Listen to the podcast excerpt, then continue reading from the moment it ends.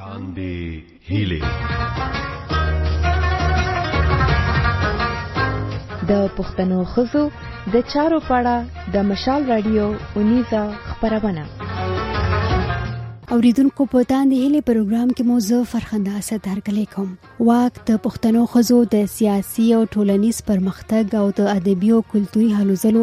یو تحریک دی چې په پاکستان او افغانستان کې غني خزینه غړي لري د نن په پروګرام کې پر دې خبرې کوو چې د واک تحریک غړي د افغانستان حالاتو ته څنګه ګوري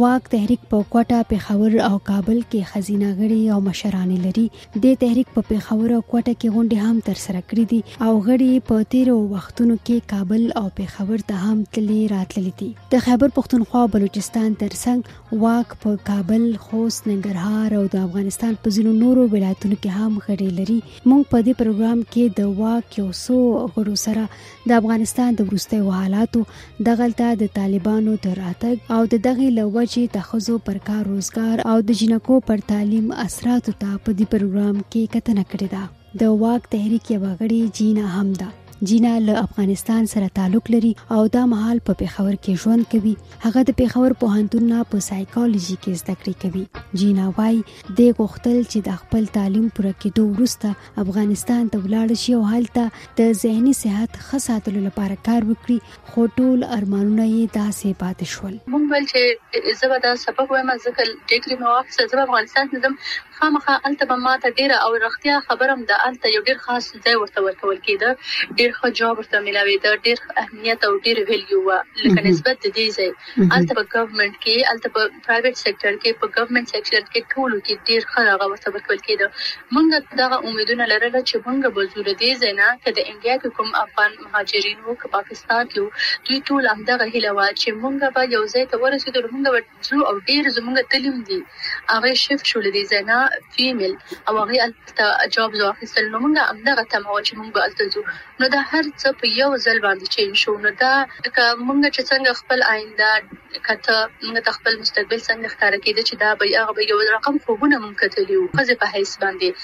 ځکه چې مونږ ډیر ډاډه وو د پخواني حکومت نه چې مونږ ته خو دا هر څه راکول کیږي مونږ ته اپورچونټیز راکول کیږي مونږ ته چانسونه ډیر دي دا به وشي دا به وشي خو هغه هر څه یو دم باندې لکه مات شو جینا وایي کله چې طالبانو د اګست پر پنځلسمه کابل ښار ونیو نو د دې ټوله کورنۍ په افغانستان کې د خپلو خپلوانو لپاره پریشانه وه. چې هغه ورځ، هغه شپه چې سهار کابل کې وو، هغه شپې باندې ما خپل کزنز هلته دي، سره ما د هغه په میسجز، واټساپ، کې خبرې کولې، نو هغه ما ته وایي، وایي چې جینه ته بلکل زمونږ پوښتنه نه کوې، په مونږ باندې ډیر سخت حالات دي، لکه هغه چې کوم ورډینګ هلته کول، خبرې، میسجز لیکل، دلته زما اوښکې ورسره اټومیټیکلي روانې وې. زه دې حالت ته رسېدلم چې ما ویل چې دا زړه مې داسې وو چې زه په چغو چغو وژاړم. وایي، یو رقم شپه ده، ډېره سخته ده، بجلي نه شته، دا تور تیاره ده، یو رقم خاموشي ده، لکه کابل کې تقریبا څو میلیونه خلک اوسېږي، د ټولو ولایتونو نه راغلي کابل کې مېشته وو، که نه ځکه چې کابل چې وو هغه د سای کپیټل دی د افغانستان، نو دلته راغلي وو، وایي هر همیشه ډېر شور ډېر شور و، دا وي که نه د هغه ایون د حکومت کوم ګاډي دي د هغوی اوازونه وي، د عام خلکو رش.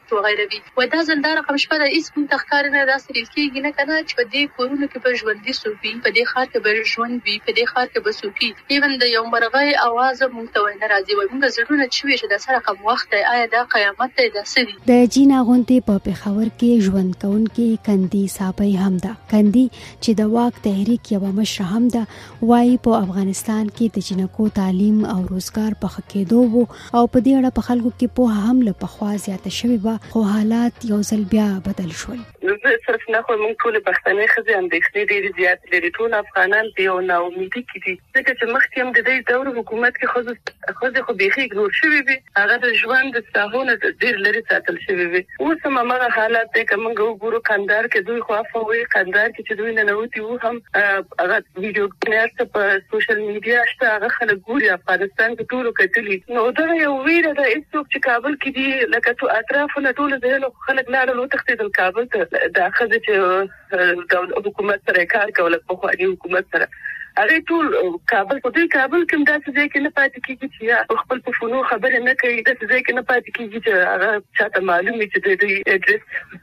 هغه نشي د ټول رسیدي یو ډیر زیات ویره ده خزو ته تړو ته هم تړي خپل کورونو ته نږدې کار یو فوج ارمي کې کار کوي هغه بالکل پټ ګرځي د اگست پر 18مه د ملګرو ملتونو د خزو ادارې یا یو ان ویمن پر خپل ویب پاڼه ورکړي دوی به په افغانستان کې د خزو او جنکو پرمختګ او د دوی د تعلیم او کار روزګار لپاره خپل هڅې جاري ساتي خو په پېښور کې اوسیدونکي کندیسا پي وای له افغانستانه هغه ټول سړي او خزي په وتو دي چې کوم دغلته کارونه کول او یا یې لوړې زده کړې ترلاسه کړې وي او په مختلفو سرکاري او غیر سرکاري ادارو کې کارونه کول د کندي په خبره له افغانستانه د ذهینو او قابلو خلکو وتل به هلته یو خلا پیدا کړي انا مخکې خزو خزو خزو خودم د هغه نوې تعلیم نه لري پاتې شوی وي د دې زیات تر کړې وو خزو ته یو ډله رپورټ ساتي جنکو چې دې ډیر زیات هغه تشویق کړي هغه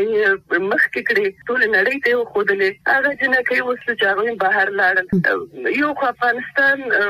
نو نو په خپل اړو تعلیم یافته نسل پیدا کړي او خلک پیدا کړي او هغه اوس په دې جنګونو کې موږ چې ګورو دا نور ملکونو ته لاړل یو خدا به ډیره غټه هغه افغانستان ته چې بیا به یو خالیګا پیدا شي فرانس 24 ټلویزیون چینل د اگست پر 14مه په خپل یو ځانګړي رپورت کې ورکړي چې افغان انجونه او خزي یو ځل بیا د غیر یقیني حالاتو سره مخامخ شوې دي که څه هم طالبان وایي دوی به د شریعت پرانا کې خزو ته د کار او تعلیم اجازه ورکوي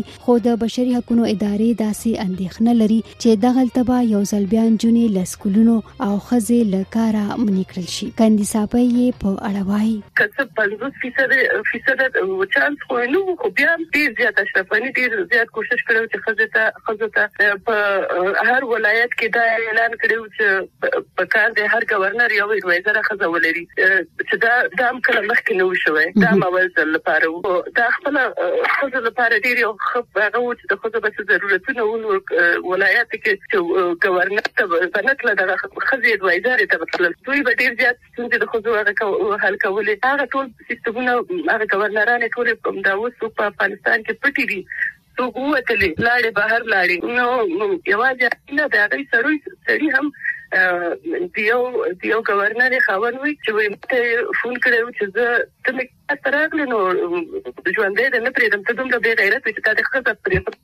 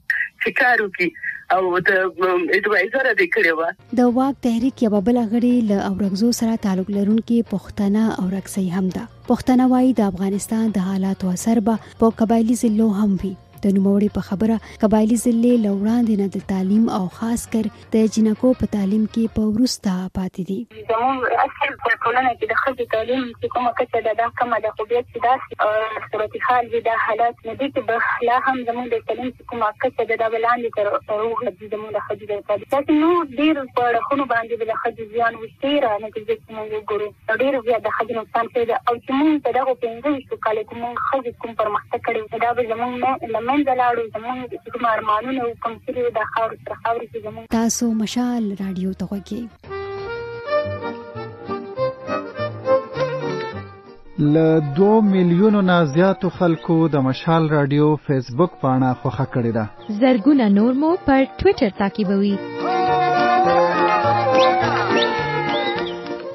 او د ورځې له تازه خبرونو روانو چارو او مهمو پیښو ځان خبروي تاسو مو هم بدرګه کړئ پته مو ده facebook.com/مشال رادیو twitter.com/مشال رادیو instagram/مشال رادیو